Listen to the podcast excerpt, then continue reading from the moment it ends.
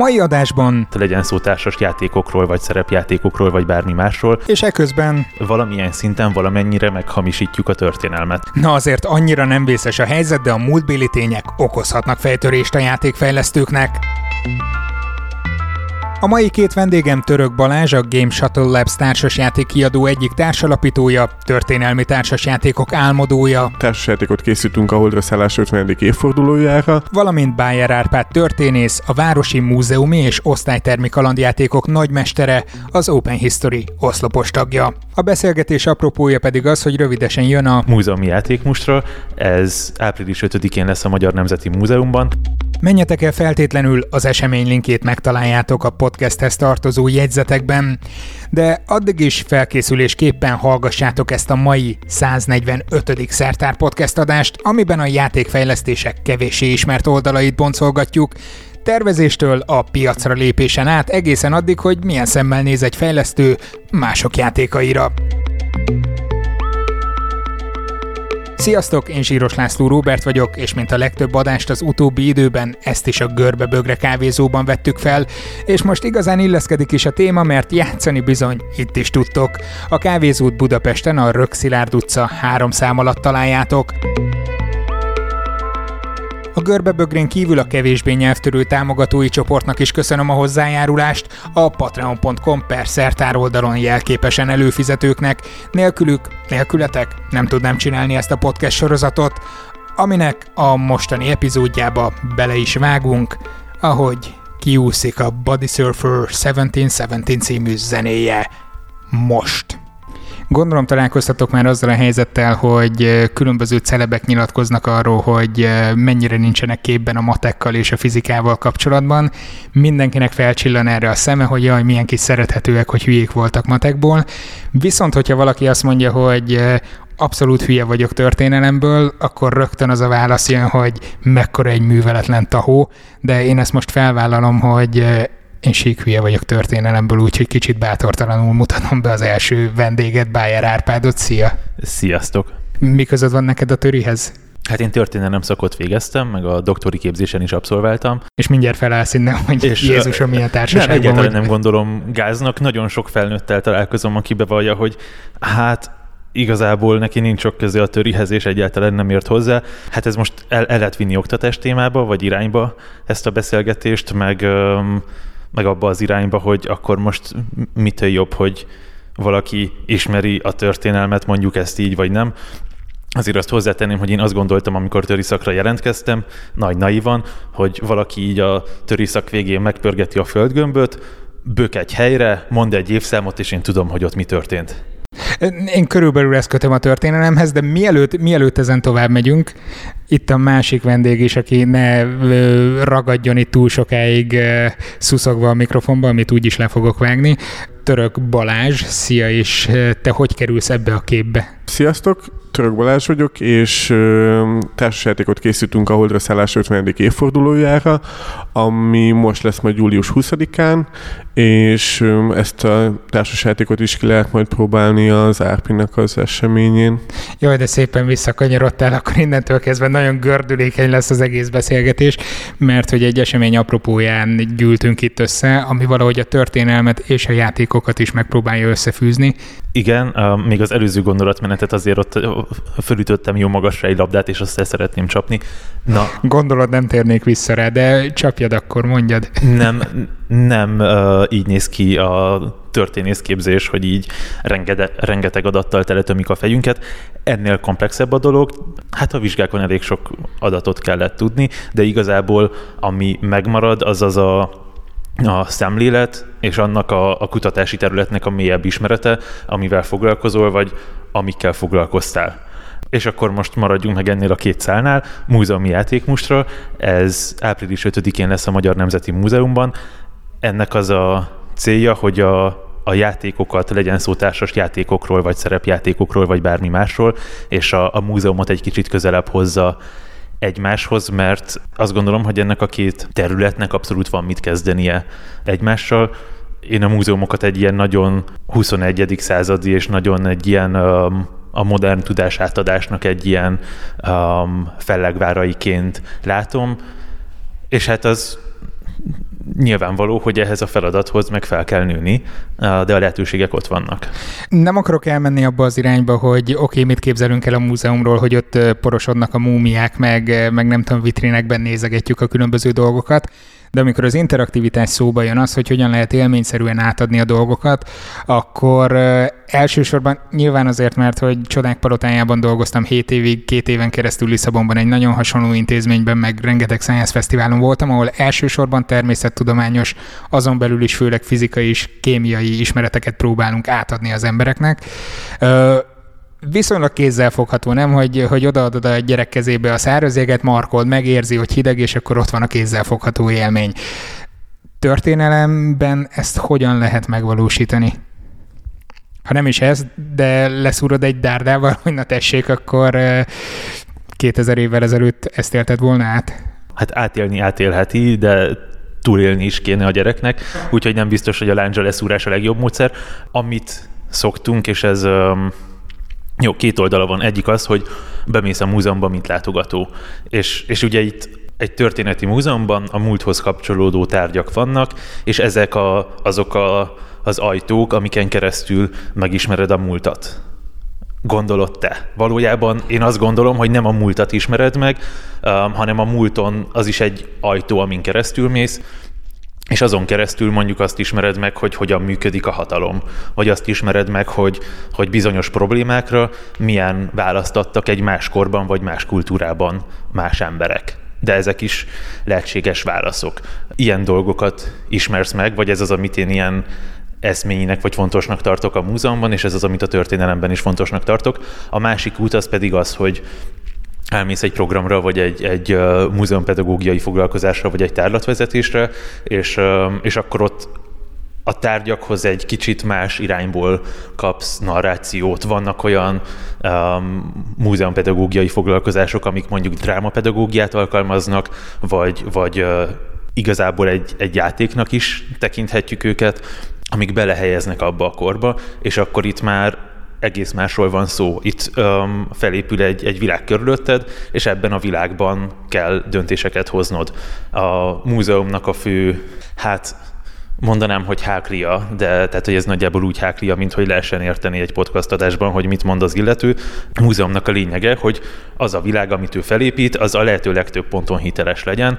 Tehát um, ne a trónok harcába menjél el, és azt a világot ismerd el meg, hanem ismerd meg mondjuk a magyar középkort, az is van, van annyira olyan izgalmas. véres, meg izgalmas, meg fordulatos sok szempontból, igen, nem a trónok harcát akartam lehúzni ezzel, csak a múzeumnak nem a trónok Múzeum, harca megismertetése. volna felhúzni ezzel. Igen, így van.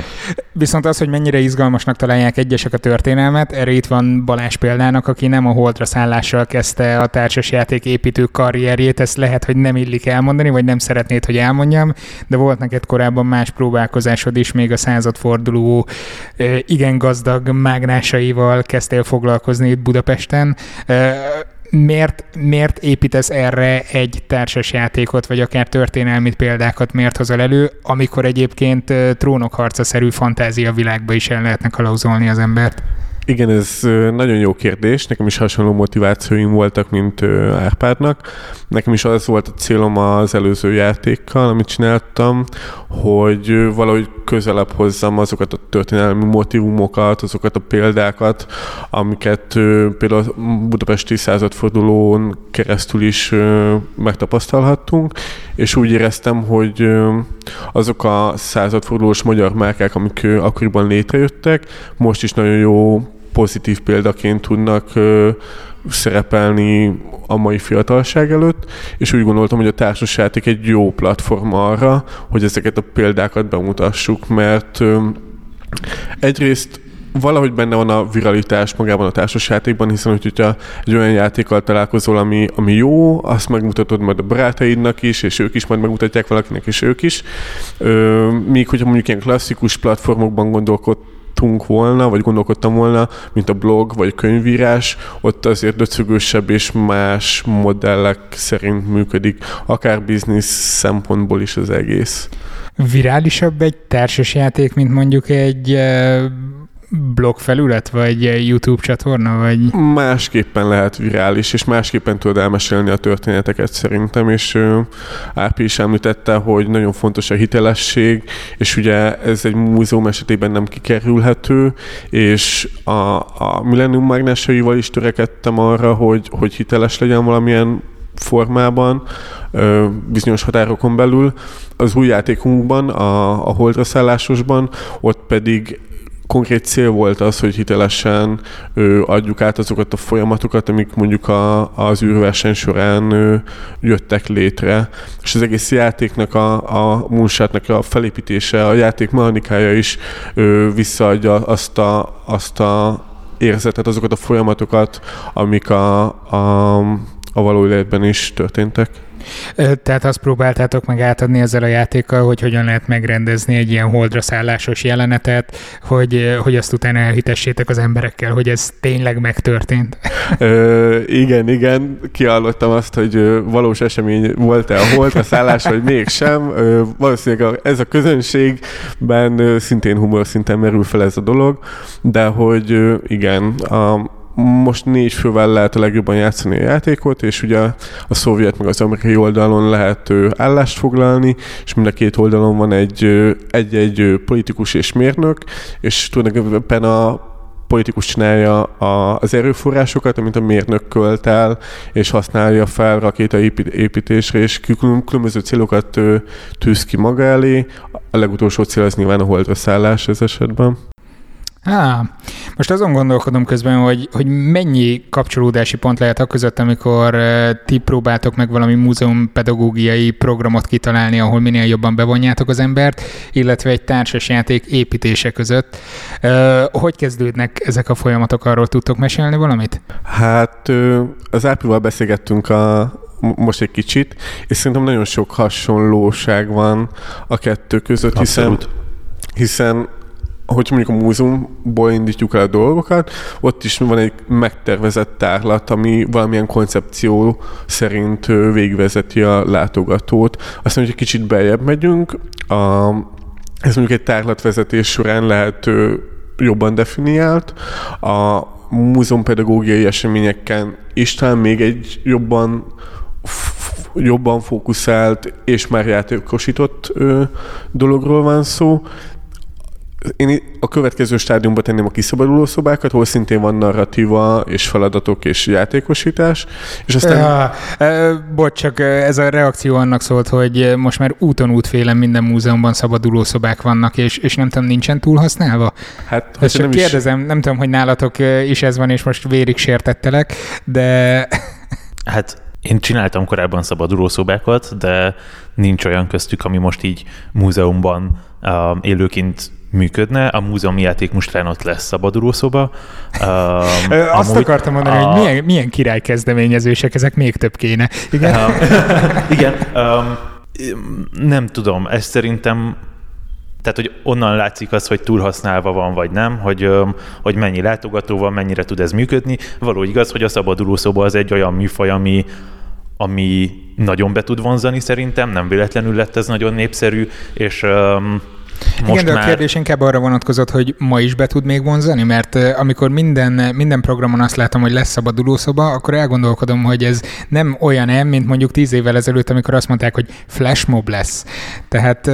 Igen, értem, és ezt én is értem. Érzem körülötte, hogy sokkal kevésbé van ez a hullám, uh-huh. ez lecsengőben van, és az is igaz, hogy a múzeumok erre nem azonnal, hanem egy néhány év késéssel uh-huh. ültek föl, és um, igazából nem látom azt, hogy milyen látogatószámmal meg hogyan működik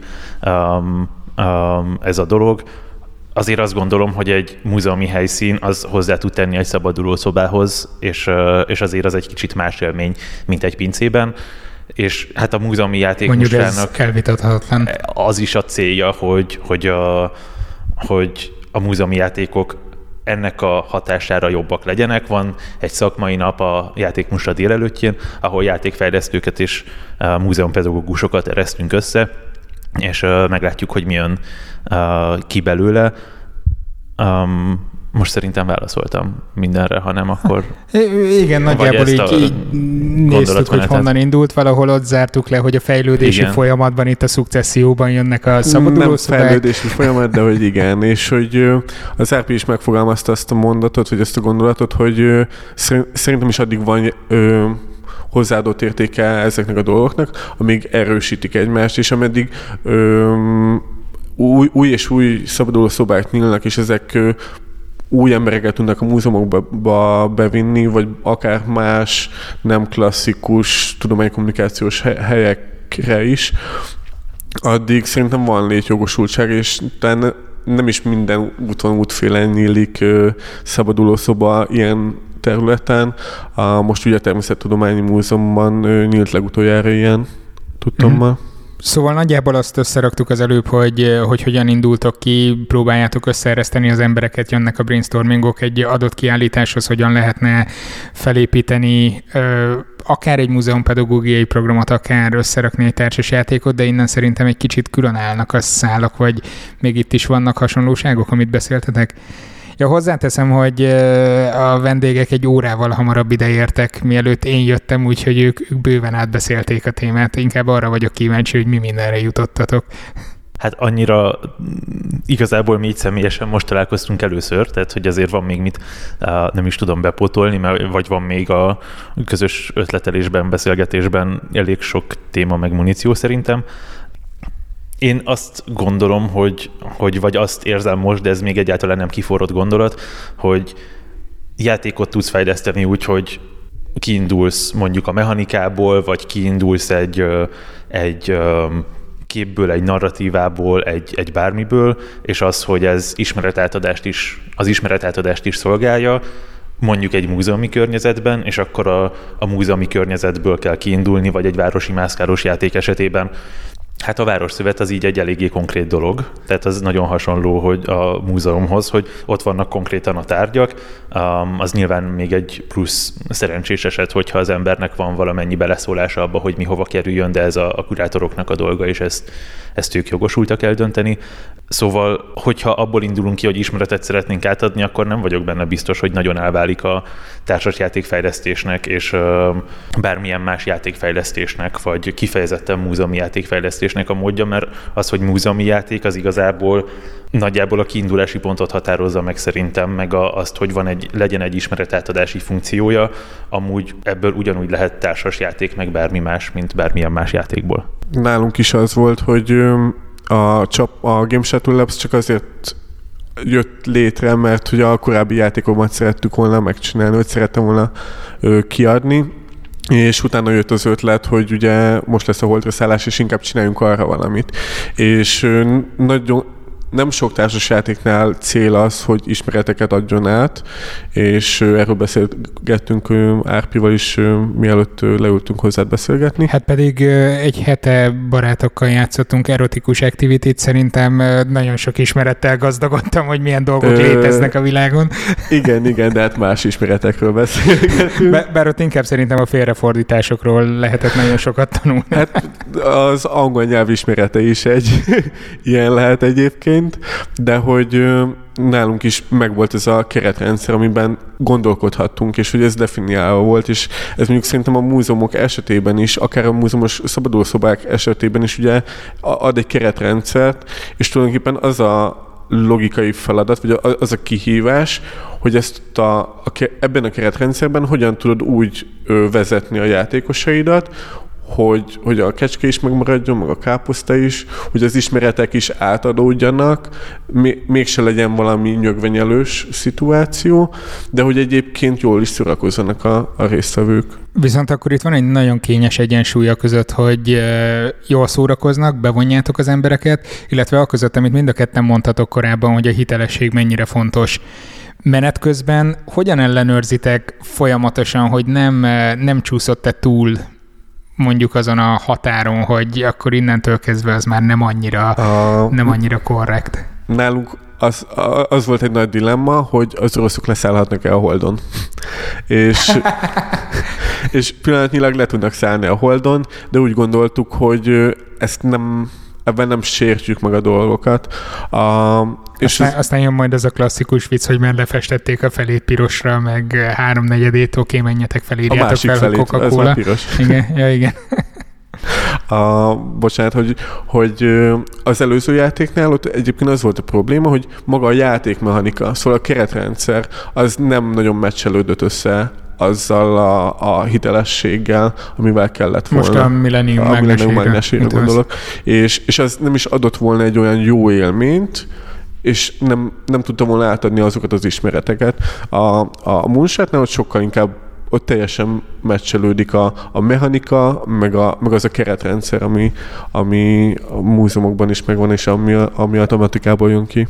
Mondjuk egy társas játéknál valószínűleg nagyobb a mozgástér egy kicsit ilyen szempontból, mint mondjuk egy múzeumnál. Mi lenne, ha ti észrevennétek, hogy hoppá, az oroszok mégiscsak le tudnak szállni a holdra? Van egy Ligák harca nevű, um, hát nem táblás társas játék, de társas játék a Nemzeti Múzeumban.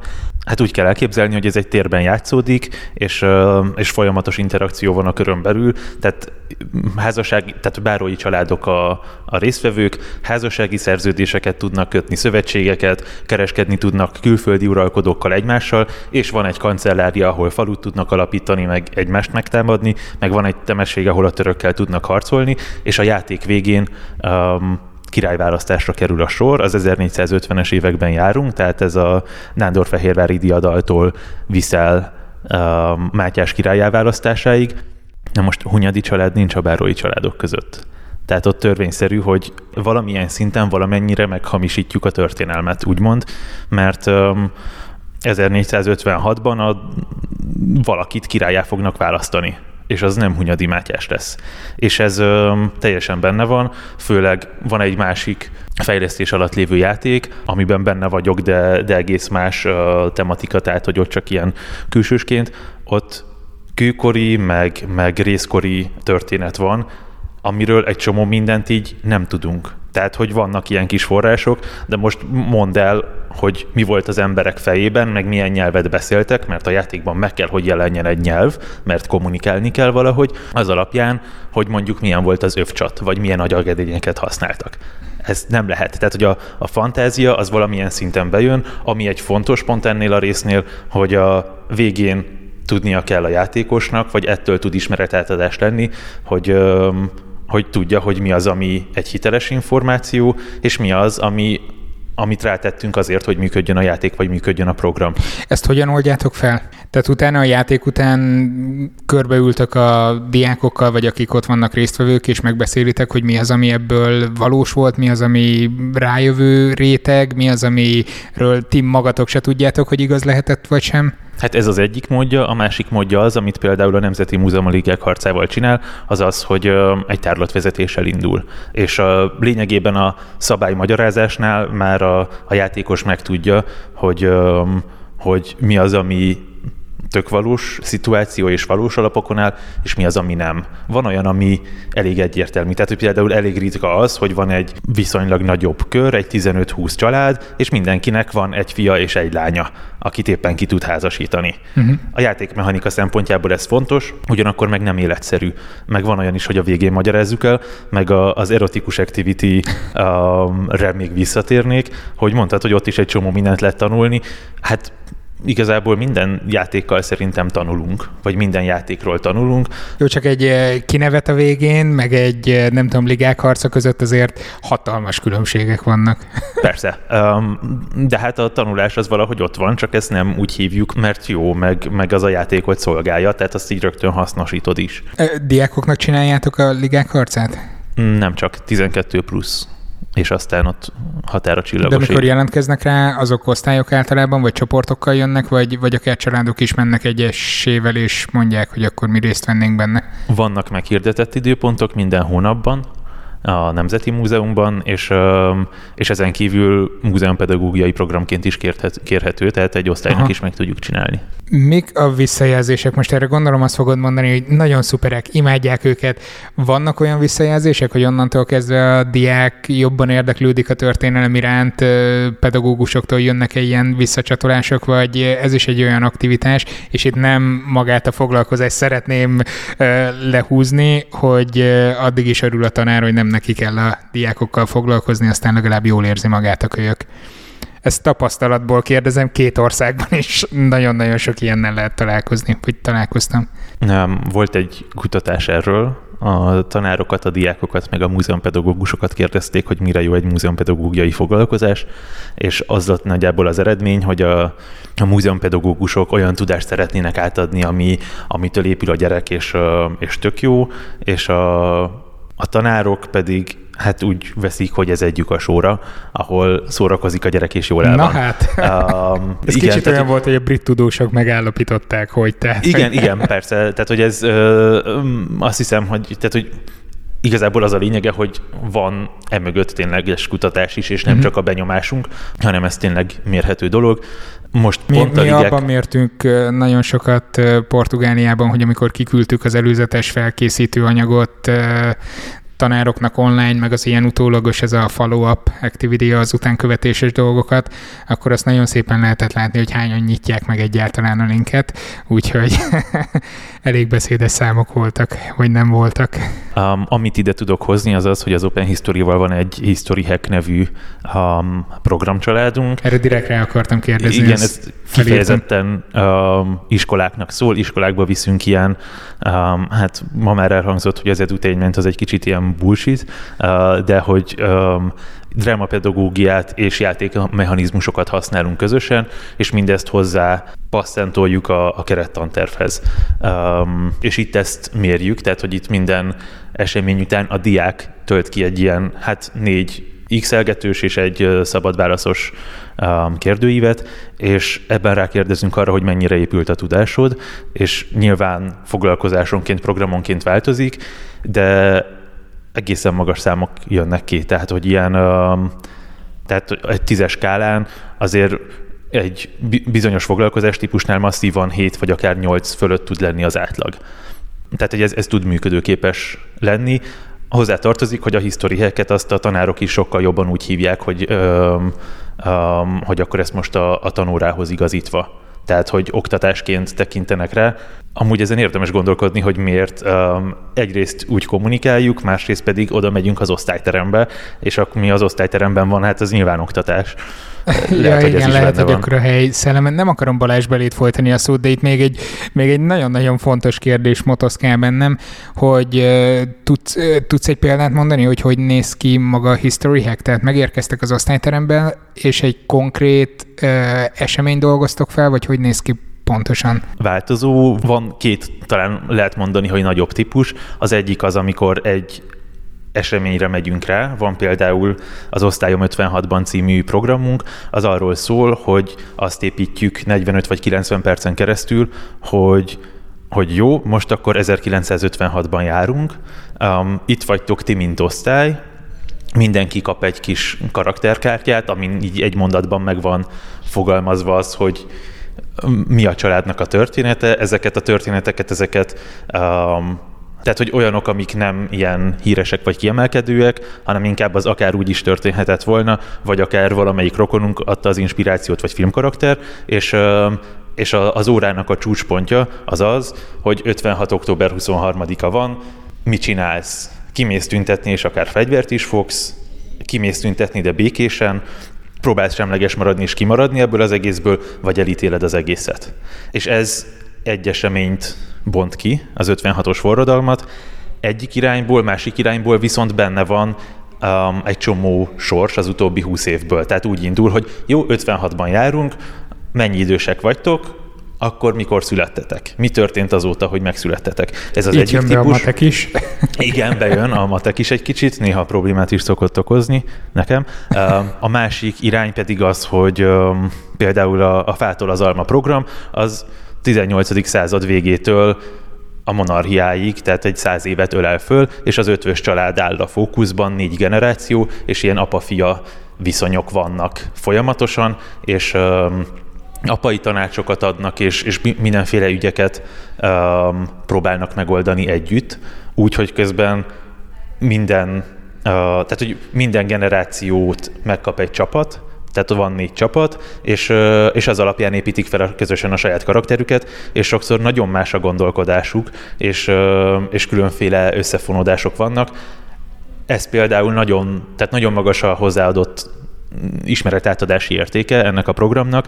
Tehát, hogy van egy 45 perces törióra, egy-egy témára, és ez pedig így nagyon sokat átfog, és inkább az összefüggésekre koncentrál meg a, a nagy képre. Ja, ez, ez nagyon jó lenne. Ilyen, ilyenkor jönnének ezek a klisészerű megjegyzések, hogy ha nekem így tanították volna. De egyébként nagyon jó töri tanárom volt, csak nekem valahogy ez kimaradt a kimaradt az életemből. Van ilyen. Most azon gondolkodom, hogy hogy lehetne nagyon szépen átkötni a holdra szállásra. Na- nagyon szépen át tudom kötni egyébként, hogy elhangzott az, hogy uh, milyen follow-up leveleket küldtetek ki ti uh, Portugáliában, vagy akár uh, itt Magyarországon is a csodák palotájából, hogy az RP-k is uh, uh, kérdőívezik a, a, a résztvevő hallgatókat, vagy, vagy tanulókat, nem tudom, hogy melyik a, a megfelelőbb, és ez szerintem nagyon fontos, és nagyon távol álló dolog a, a közszférától, az állami szférától, hogy, hogy ilyen follow legyenek, és, és pedig nagyon sokat lehet ezekből tanulni.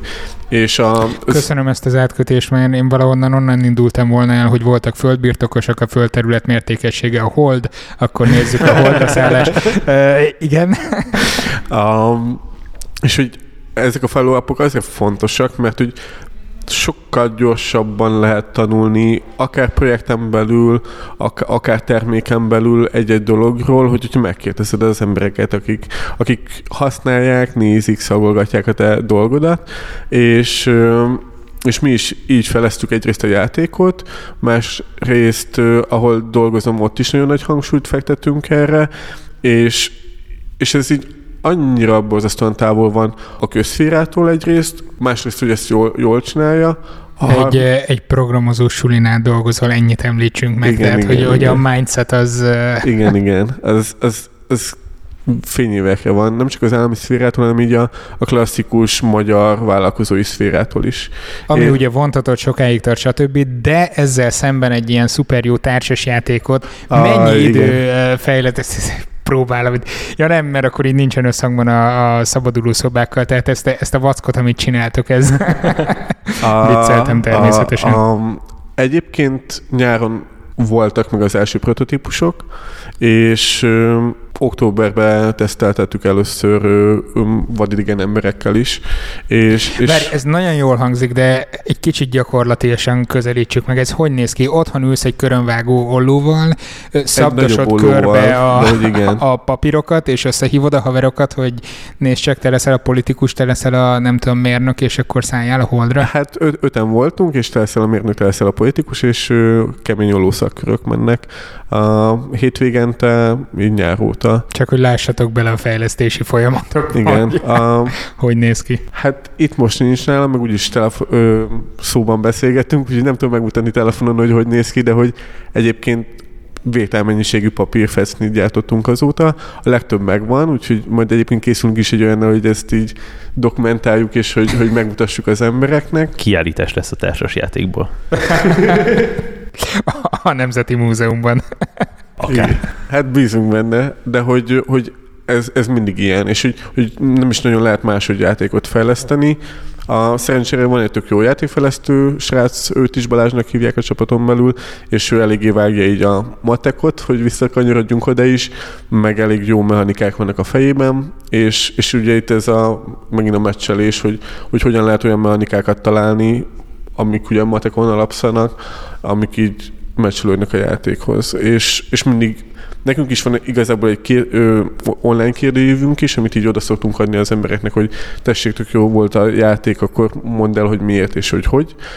Megkérdeztük az embereket arról is, hogy melyik játékdoboztető tetszik a, nekik a, a meglévő verziók közül, ez a társasjátékos csoport, van egy nagy társasjátékos Facebook csoport, és ott kérdeztük meg őket, és azt tetszik az Árpád nak a, a projektjében, hogy egyrészt megkérdezi az embereket, másrészt neki is nagyjából szerintem az a motivációja, hogy ezt a nagyon dogmatikus, nagyon konkrét, lassú dolgot, ami általában a múzeum szokott lenni, nem feltétlenül van ez mindig így, de hogy, hogy ezt így kicsit így a piac felé elhúzni, és hogy, hogy sokkal izgalmasabb, sokkal életszagúbb legyen az egész. Ha már a piac szóba jött, nem mondom, hogy könnyű dolgotok van, de valahol azért előírás a tanároknak, egész pontosan tudom, hogy hol, de, de előírás a tanároknak, hogy vigyék a diákokat múzeumba, viszont az soha nem fordul elő, hogy kisfiam, venned kell egy társas játékot, tehát itt azért vannak különbségek az elérésben, nem? Hát az van olyan, hogy hát ez most múzeumnap, úgyhogy múzeumba kell menni.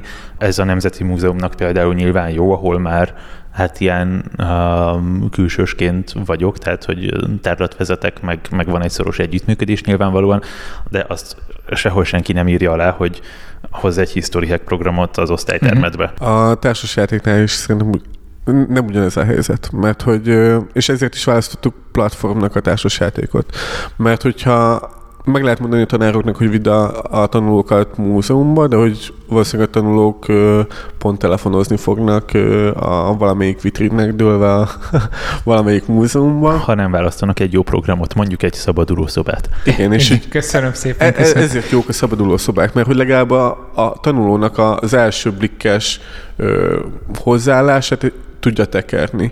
És a társasjáték is szerintem olyan, hogy társasjátékot sokkal előbb le fog emelni valaki az a polcról, akár boltban, akár valami társasjátékos bárban, mint hogy akár elmenjen múzeumba sajnos, de hogy, hogyha az a társasjáték az olyan, és az egész csapatnak nagyjából az a motivációja vagy célja, hogy, hogy hogyha már lemelt egy játékot, akkor az a játék az legyen olyan, hogy az valamit adjon hozzá, ne csak a, a, az élményhez, ne csak a szórakozáshoz, hanem valami ismeretet is átadjon. Hogy emelik le a tanárok a history hacket? A www.historyhack.hu. Jó, De, hogy jutnak el vagy... oda? Tehát, hogy, hogy ez a kérdés, hogy nem, nem ismerem a töri tanároknak a mentalitását, de feltételezem, hogy ott is vannak a szuper jó tanárok, akik, akik gyűrik a lehetőségeket, hogy hogyan lehetne minél jobban, minél izgalmasabbá tenni a dolgokat. Egy példát mondok, aki miatt elkezdtem most történelmi dolgokat nézni, az Instagramon a Töriföci csatorna, vagy, vagy nem tudom, Instagram fiók, és akkor ott azt elkezdem nézni, a kvízeire klikkelgetek, és gondolom, hogy úristen ezt látja, hogy mekkora baromságot x de ennek ellenére ez, ez tök jó. Viszont vannak a, a más típusú töri tanárok, akik megúszák az órákat, ki az, aki titeket keres, Szerintem és hogy fontos keres? Megem, szerintem fontos megemlíteni a, a, a gamification a magyar oktatásban csatornát. Mert hmm. hogy egyébként a, a, akik nincsenek ott, azok nem is lesznek, de hogy akik ott vannak, az viszont szerintem egy jó platform ezeknek a kommunikációjára. Abszolút, tehát hogy vannak online és kevésbé online fórumok, ahol, ahol el lehet írni tanárokat, meg hát Nekem például anya isteri tanár, úgyhogy ez egy ilyen, um, bár most már nem ezzel foglalkozik, de hát nekem is volt egy történelem tanárom, meg a szaktársak közül is vannak, akik tanári pályát választottak, tehát van egy alapkapcsolati háló, és, és ezeket a játékokat, ezeket teszteljük, mielőtt osztályhoz visszük.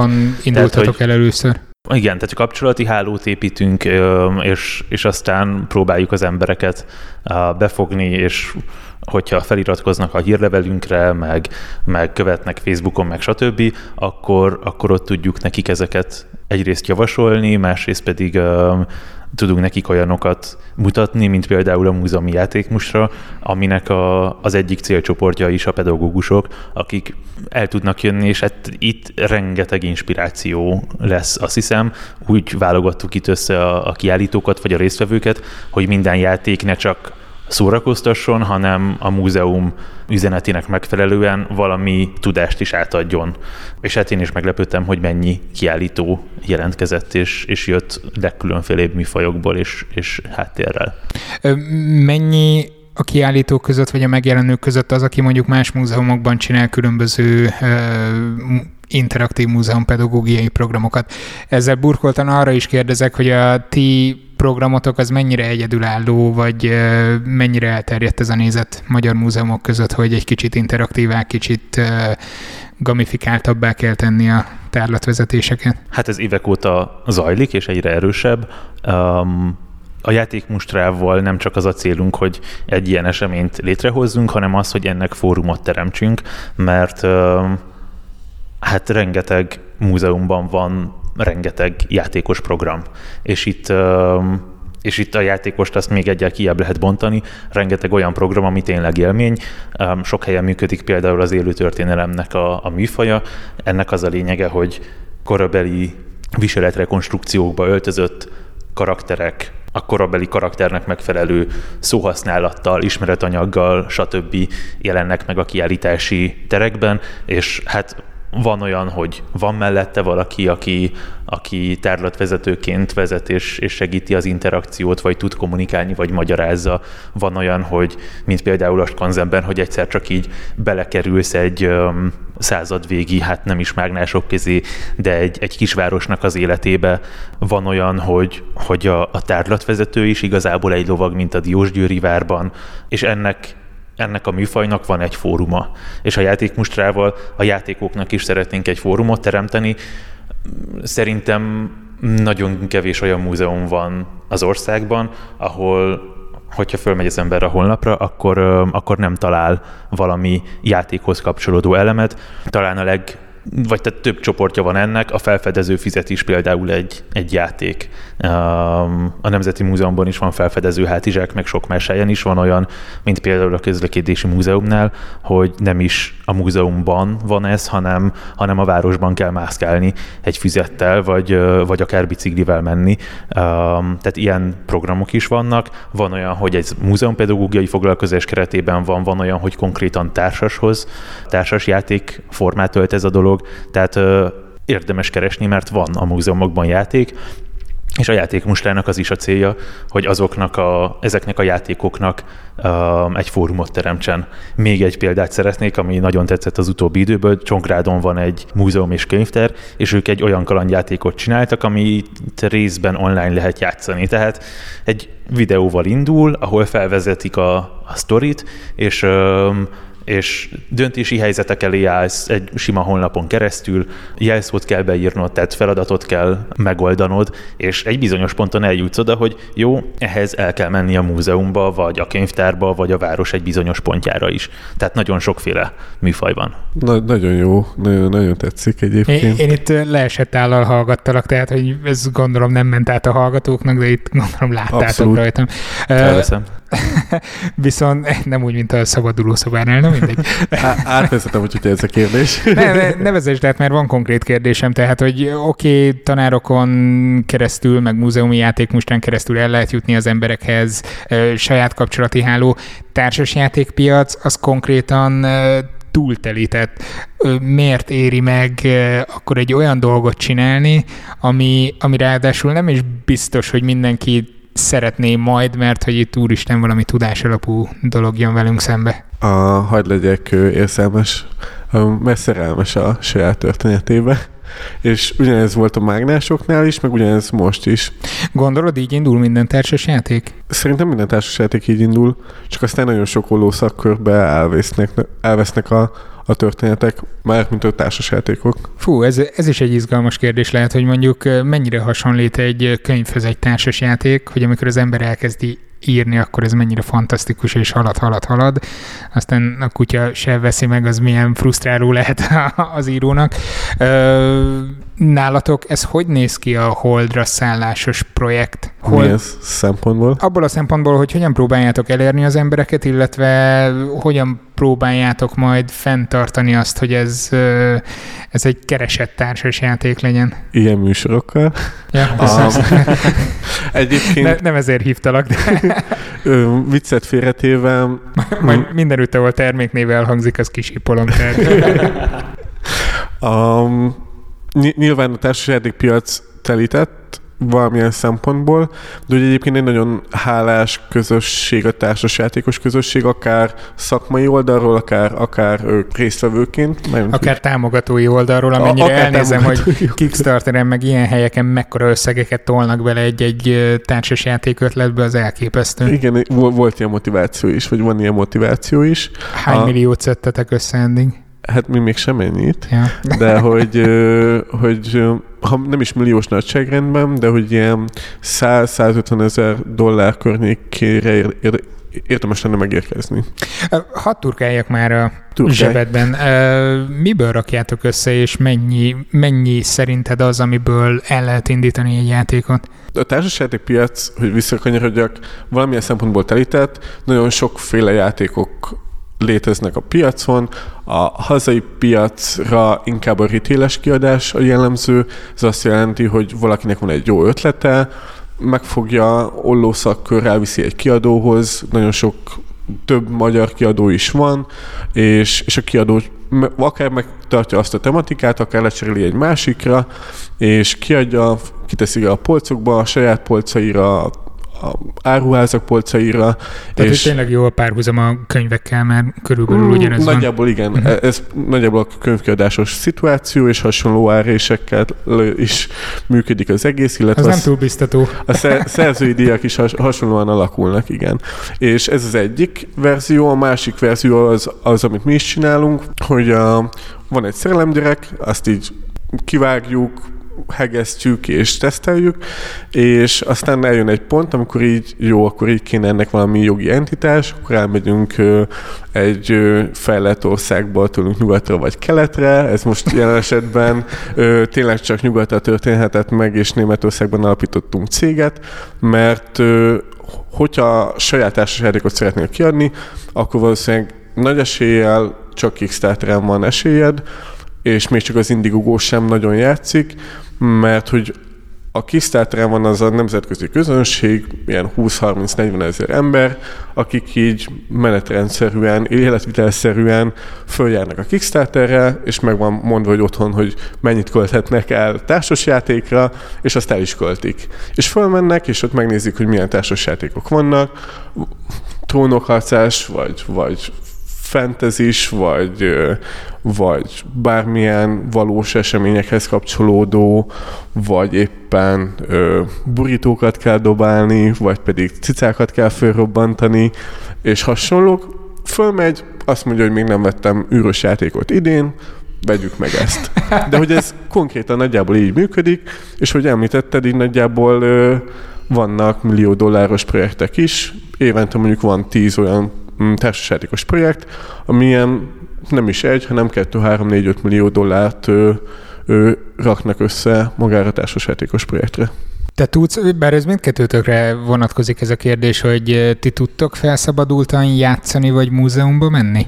Vagy folyamatosan kattog az agyatok azon, hogy ezt hogy oldottátok meg, elemzitek-e a helyzetet, mi, miből mit lehetne lecsípni magatoknak? Kettő miért zárja ki egymást? Ö, szerintem kizárja valamilyen szinten. Tehát, hogy, hogy nem tudod magad úgy átadni az élménynek, mint mondjuk egy laikus, aki tényleg csak annyit néz az egészből, hogy jaj, de király ez a játék, mert neked mondjuk azon pörög az agyat, hogy ú, de jól megoldották ezt, hogy a közönséget hogy vonják be, vagy jaj, de király ez a technika, ezt már láttam itt is, vagy ott is. Tehát én például nem tudok úgy elmenni egy ilyen interaktív múzeumba, hogy ne a kiállítást nézzem, és ne a nyilván élvezem a tárgyakat, de nem tudom nekem, én nem tudom lefejteni azt a plusz réteget, ami az elmúlt, nem tudom, 11 évben, 12 évben rám rakódott. Én, amikor külföldön vagyok, mindig megyek múzeumokba, a szakmai ártalom, a, ugye kommunikációs. Na de ez az, hogy szakmai ártalom, tehát hogy te azért mész el, mert kíváncsi vagy, hogy, hogy hogyan oldanak meg helyzeteket. I- igen. Jó, akkor de, mi, mi ezen az oldalon vagyunk. De tehát, hogy ö,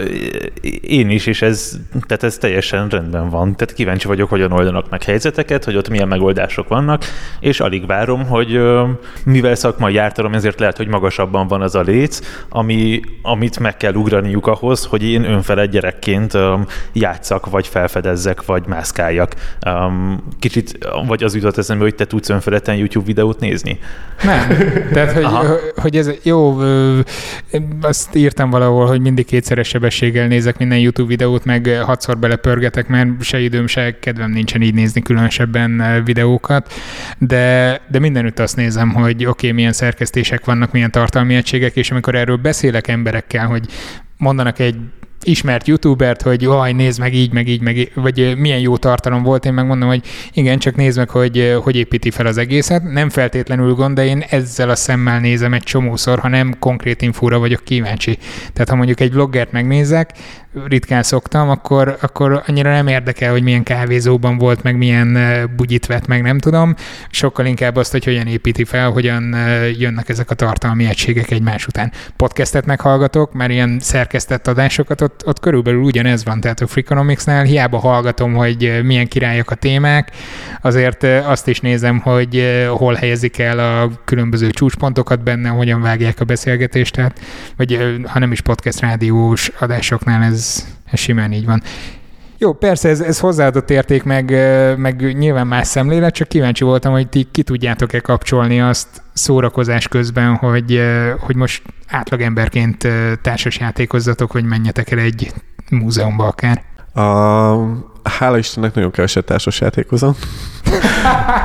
a, szerencsére ketten, hárman is nagyon sokat társasjátékoznak a csapaton belül, és ezért rájuk hárul ez a felelősség, vagy ez a, a szakmai ö, szem, hogy ők általában új társasjátékoznak, milyen mechanikák vannak benne, és azok hogyan működhetnek máshol, és azok miért pont úgy működnek.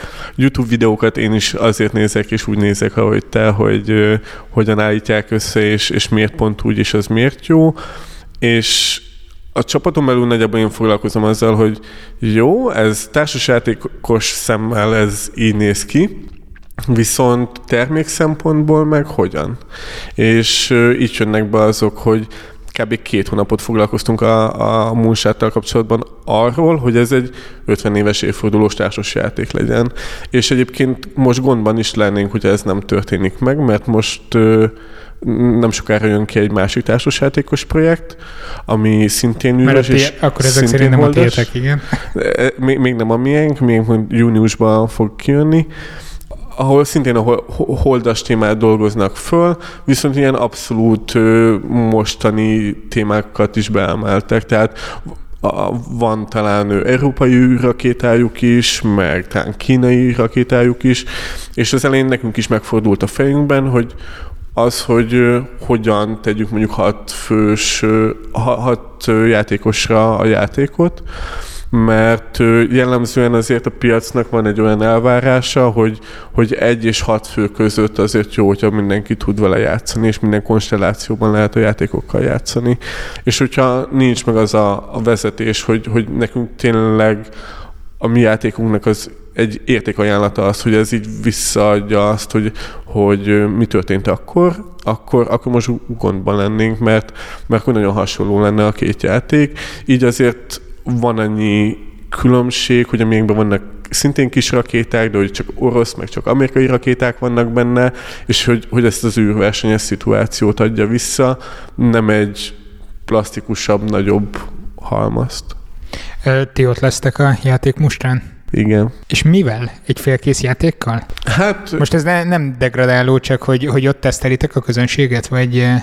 Nagyjából játéknak az alapmechanikái, azok így október-november óta nagy részt kész vannak. Erről Tehát azóta nem haladtatok semmire. Azóta nem haladtunk semmit. Igen, a, a többiek máshogy gondolják ezt, de hogy egyébként a, az alapszituáció szerintem főleg játékos szempontból nem nagyon változott sokat. Nyilván egy csomó értéket, csomó mechanikát változtatunk, vagy cseréltünk le egy picit másabbra, de hogy nagyjából ugyanaz a szituáció, hogyha játszottál volna vele októberben vagy novemberben, és játszanál vele most, akkor te, mint játékos, szerintem borzasztó sok különbséget nem vennél észre, hogyha laikus lennél. Hogy, hogyha elég sokat társasjátékoznál, és, és heti egy-két alkalommal is játszanál különböző játékokkal, akkor nyilván lenne annyi különbség, amennyit észrevennél, és, és tudnánk arról beszélgetni, hogy, hogy ezeket hogy érzed jobban vagy rosszabbul.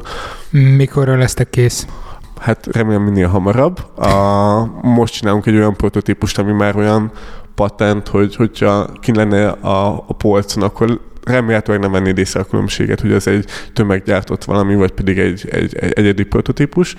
A játék az az így, hogyha itt letesszük az asztalra, a Árpi már látta, nagyjából visszaadja azt a szituációt, mint hogyha játszanál.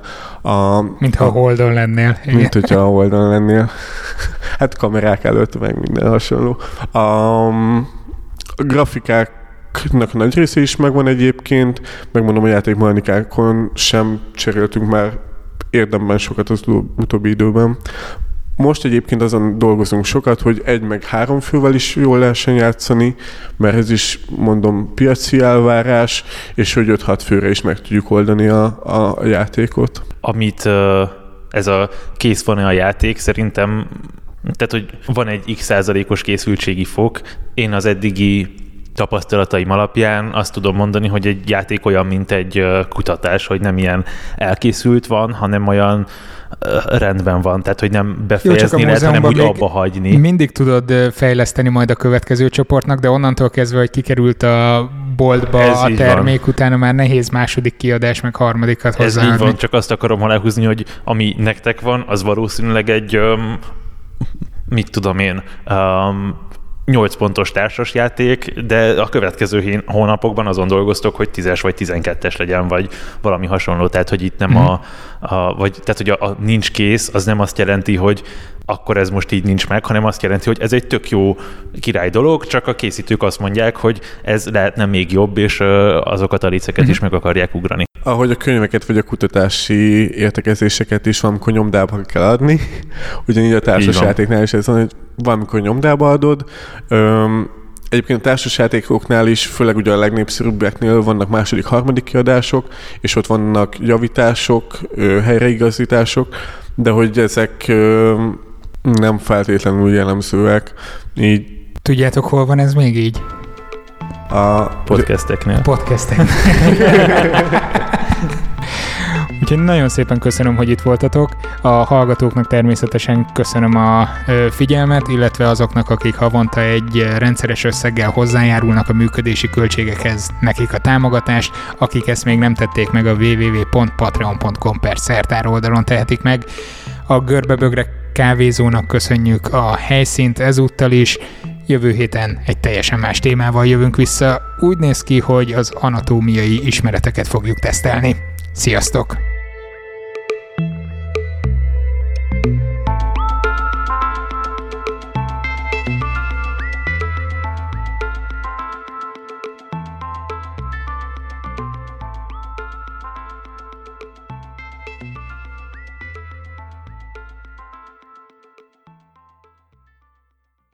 Ez a műsor a Béton közösség tagja.